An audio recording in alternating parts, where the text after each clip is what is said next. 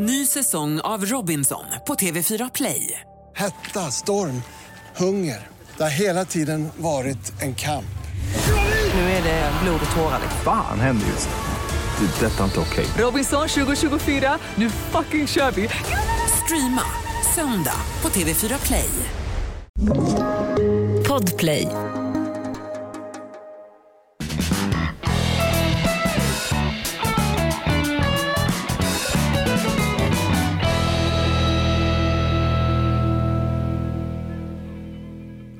Hej Uggla tjena Moss, vad döljer du för oss i fablernas värld, i fablernas värld? Ja, vi är mitt inne i repetition. Vi är mitt inne i repetitionerna av Orfej Drängars eh, årsslutspel. Eh, Hans Wiklund, du har en vacker, en vacker kastrat. Du är högaktuell för Bosse Hanssons barnkör här på nyåret. Ja. Vi ska önska Off Limits eh, lyssnare gott slut. Här följer en slags årssammanfattning. Eh, ett riktigt skitår, ett pandemiskt år. Det känns lite grann Hans som att vi har genomlevt ett krig och då menar jag inte kriget mellan dig och eh, cirkusartisten Jakob Ökvist som hastigt och lustigt avgick. Nej. Inte bara från Folkhälsomyndighetens eh, lönelistor utan från podden. Ja, och inte heller kriget i Syrien.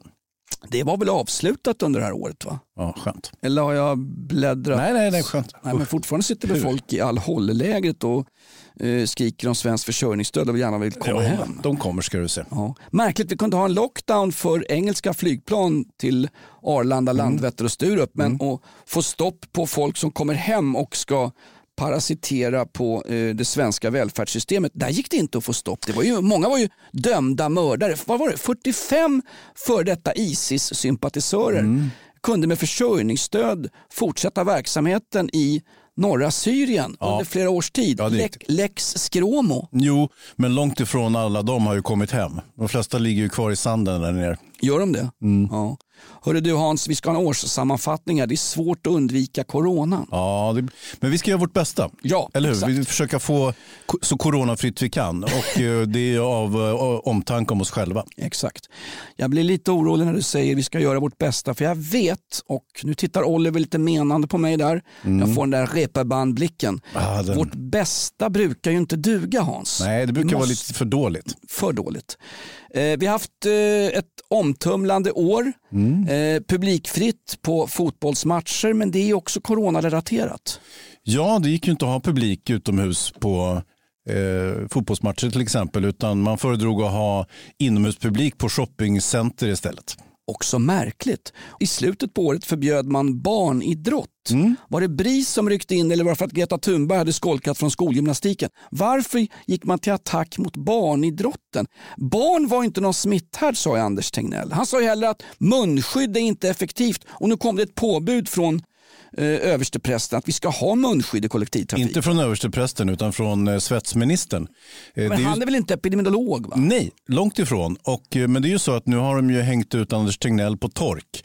Så det han har sagt, det kan eh, regeringen säga att nej, det där trodde vi faktiskt inte på. Nu kommer vi på med lite smarta beslut här i sluttampen eh, på 2020 och eh, för att rädda vårt eget skinn och försöka skylla på någon annan. Vi har ju en skyll ifrån sig kultur utan motstycke i det här landet. Det viktiga för, här sa ju Gösta Boman på den tiden, vad de sa, rösta på Gösta, snut i varje knut. Polisvännen Gösta Boman. Det viktiga för politiker i Sverige är inte att lösa problem, det är att ha någon att skylla på när problemen väl dyker upp. Ja, Förr i världen sa man, eh, när politiker råkar ut för ett problem, hur ska, vi lösa, hur ska vi göra för att lösa det här? Idag säger man, hur ska vi säga det här till folket? Ja. Och Det här är alltså odelat vänster, högerblock, ingenting sånt. Det här är opolitiskt, ungefär som Chiang Kai-shek. precis. Vem ska vi skylla på? Och eh, det är bra om man inte tar några som helst beslut för då kan man inte göra fel och då kan ingen skylla på just mig. Okej. Jag har ingen, jag har ingen syndabock för året 2020 men vi kommer ju alla historiskt att minnas att var du med om pandemin? Jo visst ser du. Ja. Men ska vi inte ta det i tur och ordning då så att vi börjar eh, skylla på folk från så att säga, januari 2020 och framåt så vi, så vi knyter ihop året? Jajamensan. Välkommen till årssammanfattningen i Off Limits och framförallt först vill vi tacka och minnas en riktig rockhjälte, Ken Hensley som jag träffat många gånger. Uriah Heeps frontman gick ur tiden 2020. Vi hedrar hans minne med en stump Hans, får hacka i det. Easy living. Ja. Ken Hensley försvann detta år. Det här är årssammanfattningen Off Limits. Välkommen.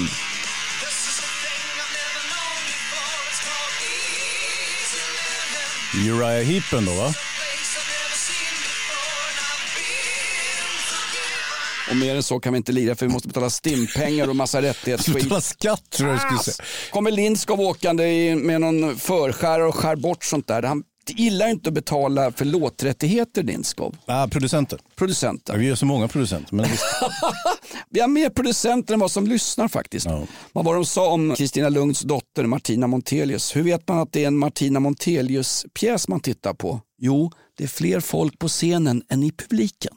Kristina Lund tog vi farväl av det här året också Hans. Det Mm. Ja, ska det inte bli någon dödsmässa men Nej. dokumentären om henne är ju helt fantastisk. Ja. När hon var ung och som ensamstående mamma skulle uppfostra Martina Montelius, då hamnar hon i en ohelig allians med en annan ensamstående morsa, det vill säga Karin Götblad, gamla länspolismästaren. Hon som i varenda intervju lyckas med konststycket att se ut som ett skadeskjutet rådjur. Hon såg ju livrädd ut när det var presskonferens. ja, men eh, det är också henne som Leif GW Persson kallar för Kajsa med råttan i sina romaner om Evert Bäckström. Vet du varför? Eh, ja, det var nämligen så att Karin Götblad var ju oerhört drivande i eh, djurskyddslagstiftningen. Och hon var särskilt intresserad av råttor. Hon har ett intresse. Hon är på kvällarna på riktigt ibland ute och det finns en dokumentär om henne på radion där hon letar råttor i Stockholms innerstad och eh, tar kort på dem, matar dem, kollar, vad de, kollar beståndet och sånt där. Hon, är, hon har någon slags råttsjuka, det har jag också haft säsongskort på AIK i alla år, men Ja. hon har det på riktigt va? Men eh, också eh, en av de mest katastrofala höga polischefer som det här landet någonsin har producerat. Konkurrensen är mördande. Ja, det är den. Skulle säga att hon har gjort mer skada för svensk polisväsende och allmänhetens förtroende än eh, salig Göran Lindberg. Ja, det är kantboll va? Nej men sluta. Ja, men Lindberg var ju aldrig någon hög chef på det sättet. Det var han väl? Nej, inte så hög. Han var ju regionchef, han var ju polischef. Nej, jag ska inte ens googla Nej, du honom. ska du, du, googla, det. googla inte det. För att, eh, nej, han var en marginell figur. Eh, vi har ju, på tal om poliser Hans, om vi ska sammanfatta året. Mm. Vi skulle få ett avslut på Palmemysteriet. Ja. Mordet. Just det, för att citera Christer Pettersson. Det var inte jag som släckte Palme, men jag kan prata om det. TV3 för ett par hundratusen per gång. Det blev ju, eh, det var eh, eh, riksåklagare, för detta, nej, det var Palmegruppens chefsåklagare, rätt ska vara rätt. Ja. Christer Petersson var ansvarig. Berätta Hans, för alla oss som sov, vad var det som hände? Ja, till att börja med så hette ju Christer Pettersson Christer Pettersson. Från början ja. Ja, på den tiden. Men sen när eh, Christer Pettersson, pundan från Rotebro, som du precis imiterade, när han blev aktuell i utredningen, då tänkte Christer Pettersson, åklagaren, att herregud, jag kan ju för fasen inte heta Christer Pettersson.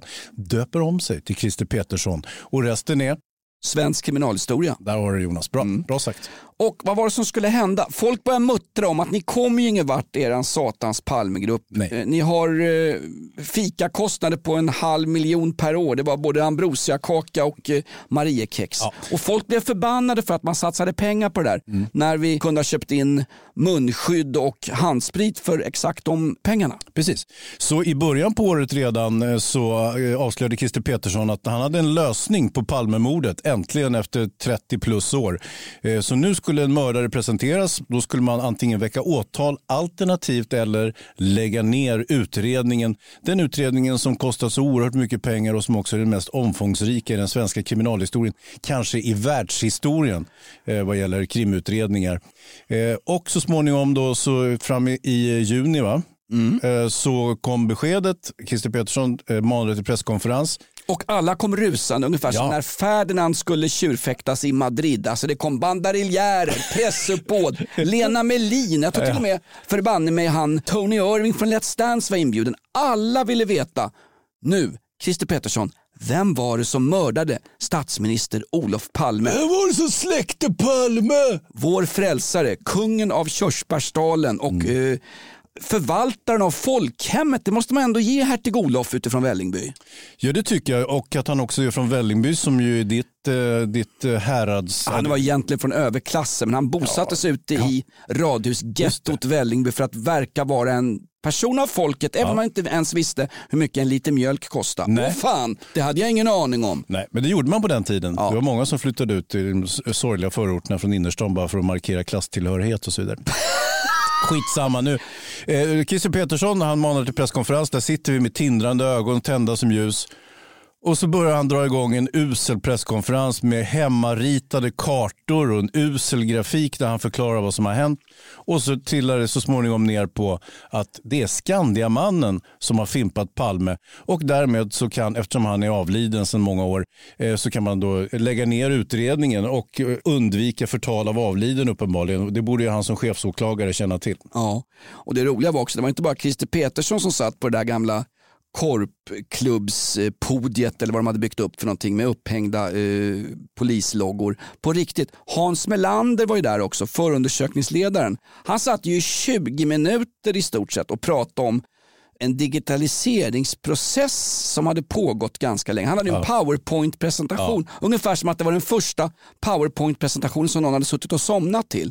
Så enormt mycket, alltså mera snömos än i ett avsnitt av Off Limits kan jag säga, innan det kom till skott. Och jag kommer ihåg, du var ju alldeles upphetsad.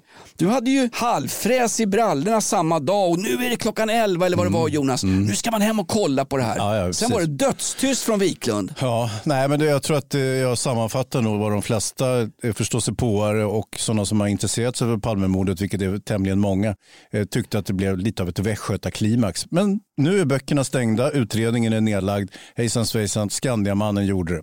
Innan han har rest sig, Christer Pettersson, så är det ungefär så att några journalister tänker, det här är ju, är ju förtal av avliden och de första frågorna han får är ungefär, kan det bli ett förtalsmål av det här? Då får han smita ut, göra en höger-vänster, Ja, Christer precis. Ja, det Pettersson blev och dra. ingenting. Ja. Nej. Så nu, ja, det är nedstängt. Så det var väl en av de stora händelserna Ja, men eh, alltså, 2020.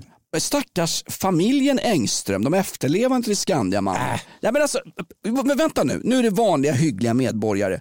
Alltså, det var ungefär som att han sa, ja, vi har inte vem som är mördaren här, men han är närmast så han är det. Alltså, det är ju en, det är ju, det är ju trotskistisk, det är en leninistisk rättsordning. Det är som när de sköt familjen Romanov i Jekaterinburg eh, 1918. Alltså, vi, vi, vi tar honom för det, det, det är bra för liksom upplägget att vi tar någon här. Ja, men så var det. 1918, okej. Nej men okej, Dammare. Händer det något mer 2020 eller var det bara det där? det var ju det. Det här är ett betalt samarbete med Villa Fönster. Du behöver lite mer tryck nu Jonas. Tryck! Villa Fönstersnack med Linnea Bali.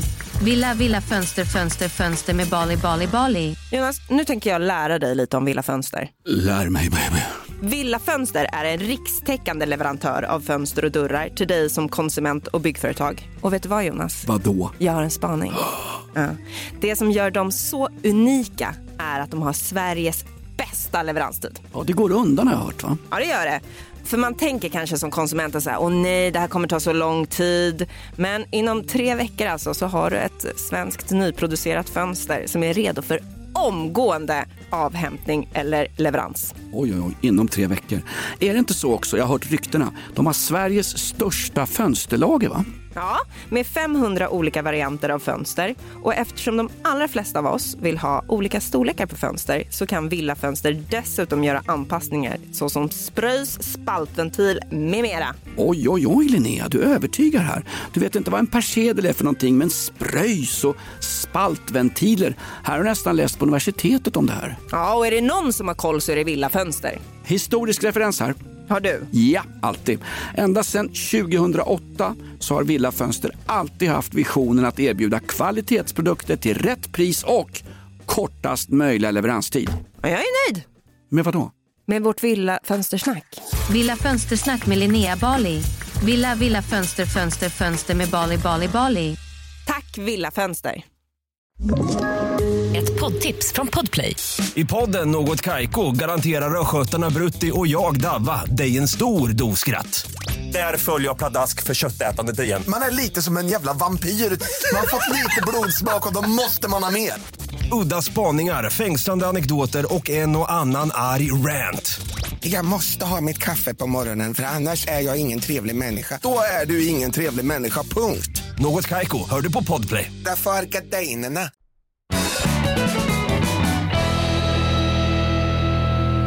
Jonas Sjöstedt slutar på topp, dyker upp på någon Twitter-feed och dricker pilsner i Ho Chi Minh Ville, eller vad heter eh, Vietnams Ho Chi Minh huvudstad? City. Ho Chi Minh City. Ja, heter det. Ja, jag tror att det heter det. Eh, därför de vill inte varken prata kolonialfranska, Ho Chi Minh Ville eller Ho Chi Minh City. Heter det verkligen det? Vi borde verkligen veta det här, men Jonas Sjöstedt flyr till diktaturen Vietnam och sitter och lovebombar den eh, rakt in från vänster ut över sociala medier. Jo, precis. Men glöm inte var de kommer ifrån. Det är ju kommunister.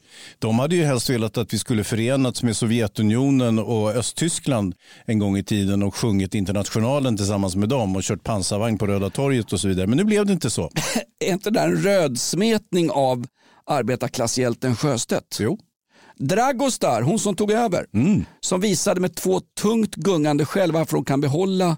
Hon är ju bra. Ja. Va? Till och med Ulf Kristersson, borgarbrackan per se sa att hon är, till och med Hanif Bali, Va? Alltså Moderaternas Egen brunskjorta. Moderaternas alibi för en stenhård migrationspolitik.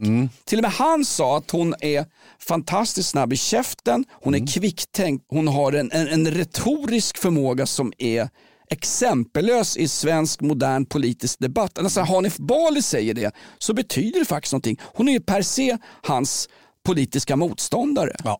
Och enligt opinionsundersökningar eh, i slutet på 2020 så har hon ju också behållit eh, greppet. Man ligger fortfarande på runt 10 procent för Ja. kommunistpartiet, vilket ju är, är, tycker jag är lite överkant. Men, men är det det vi vill ha så varsågod. Jag tror att när Sifo ringer upp folk i opinionsundersökningar numera så säger de inte att eh, ja, vad tänkte du rösta på om det var riksdagsval idag? Nej, folk säger istället nej men jag, jag vill inte rösta på Annie Lööf och hennes märkliga Federley-kopplingar vad det är.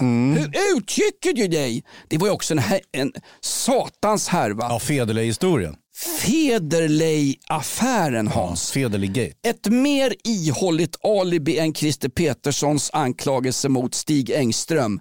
Eh, mannen från vidderna med puffran fast han hade Parkinsons. Vad hände i Federley-gate Hans? Berätta, du som är krimreporter. Ja, det visas ju efterhand när, och det var ju när Federley stod ju på toppen. Va? Han eh, förekom i tv-serien EU, vad heter den för någonting? Ja, den, som handlade om, om EU-parlamentarikerna. En, en reality show kan man säga. Bonde söker pedo. Ja, där har du den. Och det visade sig att han hade en relation, hans- en närstående till honom, det vill säga killen som han bodde med, visade sig vara dömd pedofil. Eh, hade suttit eh, sex år på tukthus och var frigångare mer eller mindre eh, medans eh, Federley eh, lärde känna. Och det är väl kanske så då med Federley att vem är han att tacka nej till kärleken i vilken form den än kommer? Kärleken är blind. Faktum är att Federley var ju påläggskalven. I Europaparlamentsvalet 2019 var han den tredje mest kryssade politikern av alla svenska politiker. Jag räknar inte bara som när jag sitter i bastun, jag räknar inte bara mitt eget Centerparti. Jag räknar på riktigt, han var enormt kryssad. Och det är kul också att Kryssar alltså någonting bra? Ja, ab- absolut. Det är någon som har röstat på dem. Partisekreteraren för Centern, alltså kul att vakna. eh, Just klart, Du, vad hände igår då? han sa ju att eh, Federley hade känt till eh, mannens bakgrund en längre tid. Jo, tacka fan för det. Federley hade varit på möte med frivården där man hade diskuterat möjligen en strafflindring. Och frivården, alltså personal där har vittnat om att det var ungefär som att Federley ville liksom i egenskap av Europaparlamentariker använda det. Muskla för att, lite grann. Ja, exakt. Muskla. Ja, visst, visst. Det är Så- våra nya ord. Muskla. Ja. Där har du va? Ja, men Han det ville muskla. Så att de, de här 24 våldtäkterna på barn och så vidare, att det skulle liksom reduceras då lite grann. Ja, precis. Ja, det, var ju, det var ju väldigt olyckligt för både Centerpartiet och eh, Federley, men kanske mest olyckligt för de här barnen som blev våldtagna av pojkvän. Ja, och framförallt olyckligt för oss inom valmanskåren. Det är inte så att man, man, man, man ökar eh, sin kärlek till våra folkvalda politiker. Nej, sen visar det sig, det finns ju några som är väldigt irriterade på Centerpartiet just nu. Till exempel min kompis Patrik Sjöberg, före detta Oj, världsrekordhållare i höjdhopp. Eh, s- som ju, det är ju hans, eh, Han, han driver ju just sådana här eh, våldtäkt mot barn och pedofilhistorier. Det, han är ju väldigt intresserad av det. Han föreläser om det och så vidare eftersom han själv var utsatt som barn. Han har ju gått till frontalangrepp mot Annie Lööf och hela Centerrörelsen. Ja. Han ville dra ner Torbjörn Fälldin i skiten. han har inte varit så här illa, Torbjörn Fälldin, frid över hans minne, sen Geijeraffären. Den, den får folk googla. Ja, googla Lennart Geijeraffären. Ja, det var en intressant historia. Hur som helst så, så visar det sig att nu har ju Patrik Sjöberg då hittat mängder med centerpartister med pedofilkopplingar. Ja, Vilket Ju, mängder. ja, mängder, men det är ganska för många för att ha liksom framträdande positioner i, i ett eh, riksdagsparti. Och dessutom så är de ju, har de ju haft flera med islamistkopplingar också. De hade ju en dåre som satt som eh, lagman ute i, i eh, det, Täby eller Uppsala eller vad det var i tingsrätten. Och dömde lite efter sharia-lagar och sånt. Det är ju Nej, men faktiskt de inte dömde okej. efter att eh, eh, den åtalade mannen var av finare familj. Men var verkligen, Det där var också en stor grej under 2020 Hans. Faktiskt. Mm. Ja, skitsamma. Men, men eh, den här Federley historien, jäkla historia. Ja, visst. Överglänses bara av Ebba Busch Thor eh, när hon skulle med, med, med, med, stringens framhärdar hon sin kamp att lura ett ruckel av en stackars senildement 81-åring uppe längs Upplandskusten. Ja, nu är han ju 82. Va? Men, men, Vet han om det själv? Ja, men han är inte senil, senildement heller. Han är ute och går på bygden där. Nej, men hans släktingar som vill ha del av den här fina stugan för 4,2 miljoner har ju hävdat att han inte är tillräknelig. Att Jo, han men det är för att de vill lägga rabarber på hans pengar. Det här är ju mycket mer komplicerad historia än vad skenet, att det ger sken av. Samtidigt så, eh, Ebba Busch är ju lite klantig som låter det här explodera eller implodera i media, eller hur? Jo, men De fast skulle de... ju bara klivit åt sidan, skit i det där rucklet och leta efter något annat istället för att börja stämma gubben och hålla på. Hon sätter ju sin politiska karriär på spel. Men hon är väl också en, inte, jag ska inte säga att det är någon slags new public management bland politiker, men någonstans en, en politiker av den gamla skolan. Och nu pratar jag om Gunnar Helén. Eh, Jag pratar om, eh, ja, kanske inte Alf Svensson, mannen som blev känd som polkagrisen på badhuset hemma i Gränna. Nej, vi, hur som helst. inte alls Ja, men de, de hade ju aldrig offrat, eller inte ens riskerat sin politiska karriär för att få tag i ett privat sommarhus. Men hon framhärdade, hon vill ju verkligen gå till köpavslut och få in lösöre. Skottkärra, flaggstång och en medial skandal ska ingå. Men det här huset ska jag ha. Liksom. Ja, nej, det, det är egendomligt. Hon är också, ah, det är SD för tjejer va, kallar man väl Kristdemokraterna för nu. Ja, eller vad de heter. Men, men, men det är ju... Hon det här- får ju extra mycket skit därför att hon, är- att hon är, eh, representerar borgerligheten. Ja, och, men sen är hon ju liksom uppkäftig också. JK anmäler, vad heter hon, Eh, Lena, vad heter, vad heter den där inrikesminister, nej inte inrikesminister, vad heter hon, socialminister, hon som är med i tv hela tiden med, som ser ut som Abba-Agneta i håret. Lena Hallengren. Ja, Hallengren. Denna duktiga eh, gymnasieekonom ekonom från en folkhögskola i Kalmar. Ja. Satt inte hon i, i SSU när de fifflar med medlemssiffror där nere? Säkerligen, det är ju en riktig blåsare. Jag trodde aldrig att ett täcke kunde göra så stor skillnad för ett socialdemokratiskt ungdomsförbund. Jag heter Börje Salming, jag har 600 är i plytet. Just nu gör jag reklam för tyngdtecken. Använd inom svensk psykvård sedan 1850-talet. Ja, det var jäkla effektivt. Mm, jag minns inte att jag hade det på psyket, att jag fick något tungt. Eh, jag fick ett sånt där lätt täcke, sen var det bara att sparka bort. Du har ju fått som jag Hans, det kom ju ut här under året också när du tog över efter Jakob Ökvist efter, Jävla tjat om den där efter pajasen. ett par snabba vänstersmällar i korridoren här. Nej men att du fick galopperande panikångest också. Den där hjälmtrycket över skallen som gör att ibland orkar man bara inte med. Ja, så måste det ha varit. Ja. Men jag fick ju sparken. Ja, Från Mix Megapol, det kommer du väl ihåg? Jag fick ju inte det, men det, det är ju en historia som du har planterat, precis som den här beefen mellan mig och vad heter han för något? Eh, Mikael. Andersson. Nej, Nej men folk undrar varför Jakob hux flux slutade i podden och Hans Wiklund tar över. men- men... så här är det. Det är väl ingen som går in på charkdisken i Ica. Du, han som skar upp med dister varför är inte han kvar? Nej, jag är nya styckmästaren här. Jaha, varför då? då? Var det knivslagsmål inne bland falukorvarna? Precis. Nej, det bara händer. har ni skurit ner på personalen? Exakt.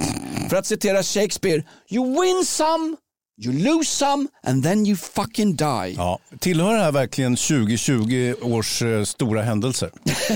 Nej. Ett, ett, det är roligt att du, men jag tror att du överskattar den här poddens inflytande.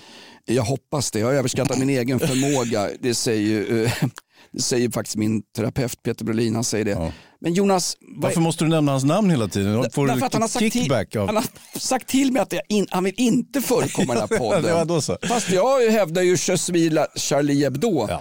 Det är jag mot psykvården. Så här är det också Hans. Han hävdar med en fas att eh, Jonas, du har någon gång fått för dig att folk, folk är intresserade Ja. av vad du tycker om olika saker. Ja. Och det där har gjort att jag jag har ingen, ingen yrkeskarriär, ingenting. Jag har fått för mig att folk vill höra vad jag tycker om olika saker. Ja. Han Ge killen en podd, sa de till slut. ja, exakt. Och sen, sen börjar den riktiga Ja, utförsbacken. man Värre än norrtugg med livstids indraget körkort. Ett poddtips från Podplay. I podden Något Kaiko garanterar östgötarna Brutti och jag, Davva, dig en stor dos skratt. Där följer jag pladask för köttätandet igen. Man är lite som en jävla vampyr. Man har fått lite blodsmak och då måste man ha mer. Udda spaningar, fängslande anekdoter och en och annan arg rant. Jag måste ha mitt kaffe på morgonen för annars är jag ingen trevlig människa. Då är du ingen trevlig människa, punkt. Något Kaiko, hör du på Podplay. Därför är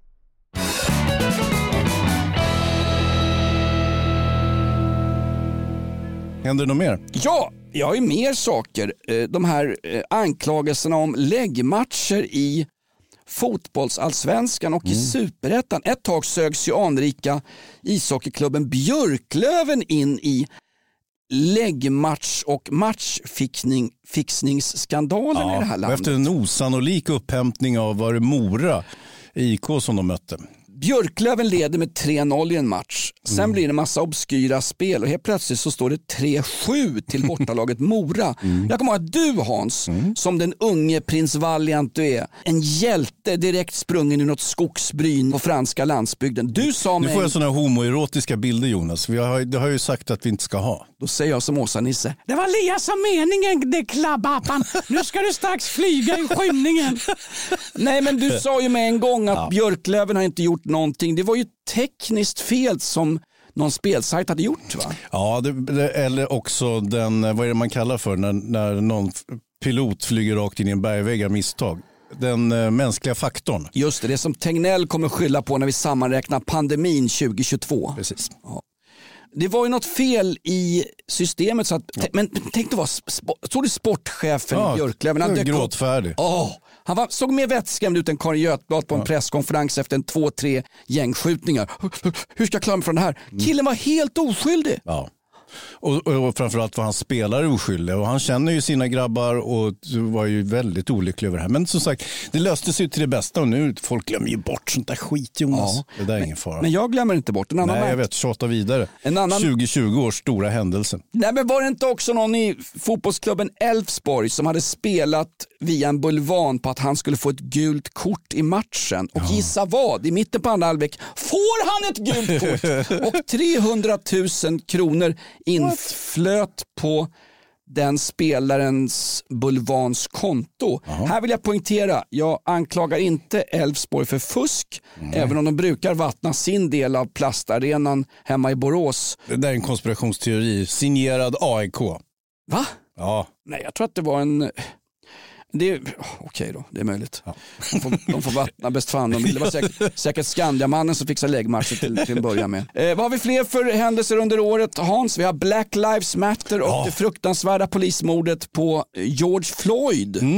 George Floyd som ju är en, en ikon i, i det är Muhammad Ali eller Martin Luther King eller, eller också bara någon pundare. Jag ser honom som Alex Haley, eh, killen som skrev eh, Rötter.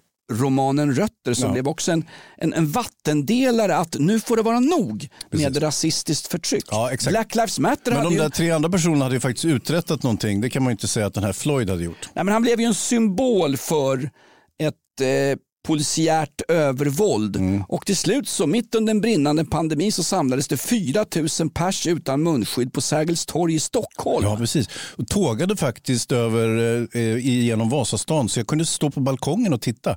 Och då kunde jag också se vilka det var. Det var ju väldigt eh, få mm, ska vi säga, det, det mesta, eh, de flesta utav dem var eh, gymnasieungdomar. Var det så? Ja, kunde jag säga. Det var ju några dårar och aktivister och så vidare. Men mest var det vanliga gymnasieungdomar som bara hade fått nog av att sitta inlåsta hemma, inte få gå i skolan, inte få göra någonting vettigt. Men äntligen så kommer någonting som man kan samlas kring och liksom gå ut på gatan och ha lite festligt och gapa och, och ha kul. Och det tror jag det var nog därför att Black Lives Matter blev en sån succé just i Sverige. Mm. Mm.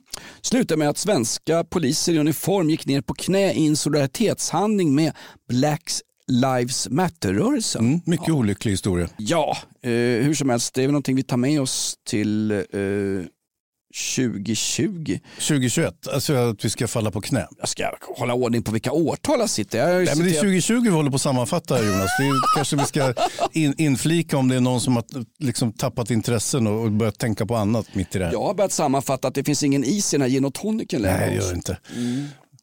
För dåligt att det ska hinna smälta innan du får i den. Det är ju Okej. två, vad heter man, two gin, gin tonics under par. Two gin tonics under par. Eh, nästa år, vad kan vi se? Kommer vi få en förlängning av bråket mellan Leif GW Persson och Bingo Rimér? Högst troligen inte va? Troligen inte. Den ukrainska resebyrån där man kunde gå in och betala eh, 10 000 svenska kronor. Sen fick man en handledare som berättade hur man gjorde för att söka asyl i Sverige samtidigt som man kunde jobba men få Svartjobba. m- mat och husrum av Migrationsverket. Den resebyrån är ju full gång fortfarande. Ja, de påverkas inte alls av de här restriktionerna som eh, regeringen har lagt ut. Utan bussarna från Ukraina de kommer på löpande band så det är ingen fara med det. Så vi är trygg, trygga med, med svart arbetskraft i alla fall. Men det är ju inte ens Schengenavtal. Det är ju inte ens, Ukraina är ju inte ens, även om de själva vill det, det är ju inte ens ett EU-land. Nej, det är ju inte det. Och, eh, men däremot så kan man då söka politisk asyl. Och, eh, det vanligast förekommande är mest män då som åker. Det är att de säger att de är, lever i gayförhållande och att det inte är tillrådigt att göra det i Ukraina eftersom de har, det är en, en diktatur där man, inte, där man inte driver hbtq-frågor på samma sätt som vi gör. Kanske, Exakt. kanske snarare tvärtom. Det är ett tungt vägande asylskäl. Eh, vad hoppas vi på inför 2021? Vi hoppas på publik på våra fotbollsarenor. Nya framgångar för podden Off Limits. Att Hans Wiklund får fast anställning i nya upplägget för morgonshowen i Rockklassiker. Ja, fast anställning. Ja, ska du ha. Jaha. Fast tandställning och fast anställning. Så ska det vara.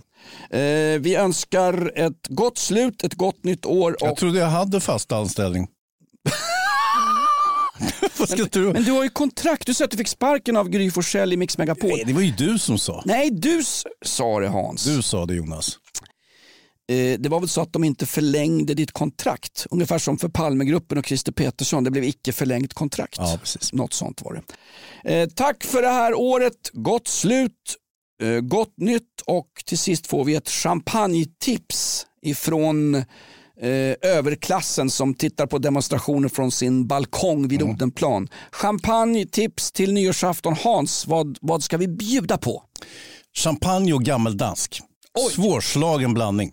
Blandat? Ja, inte blandat, men först tar du eh, en gammeldansk som du hänger, häller upp en 4 centiliter eller 3. Det är svårt att dricka för det är ganska äckligt.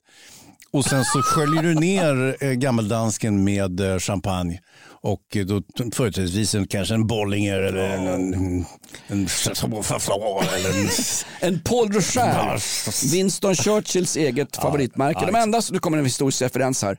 De en, den enda utomstående som fick besöka Winston Churchills jordfästning förutom den närmsta familjen, det var den engelska generalagenten för champagnemärket Paul Rocher som Winston Churchill lyckades förstöra både sin lever på. En alkoholist besegrar alltså tredje riket i andra världskriget. Det är väldigt bra jobbat. Jo, men motståndet var väl inte superstarkt heller. Det var lite halvsvajigt på det psykiska planet. Det var nog så faktiskt. Men ingen skugga ska falla över Silvias... Över tredje riket. Över, jo, det börja inte nu. Ingen skugga ska falla över Silvias Sommerlatts släktingar. Vi har inte arvsynd här. Nej, jag inte. Vi stänger butiken, vi drar upp gylfen och eh, tackar för ett framgångsrikt år. Det här är podden Off Limits. Kommentera oss gärna på Flashback och kommentera oss gärna på iTunes. Hans Wiklund, Mm. gott slut och tack för att du är du. Jag gillar ju dig på riktigt. Ja, men jag börjar tycka om dig också Jonas. Men eh, nu är det som jag brukar säga, dags att spotta ur varandras könsdelar ur munnen och återgå till vanligt arbete. Mot Sametinget! Tack för i år. Det här är Off Limits. Ett poddtips från Podplay.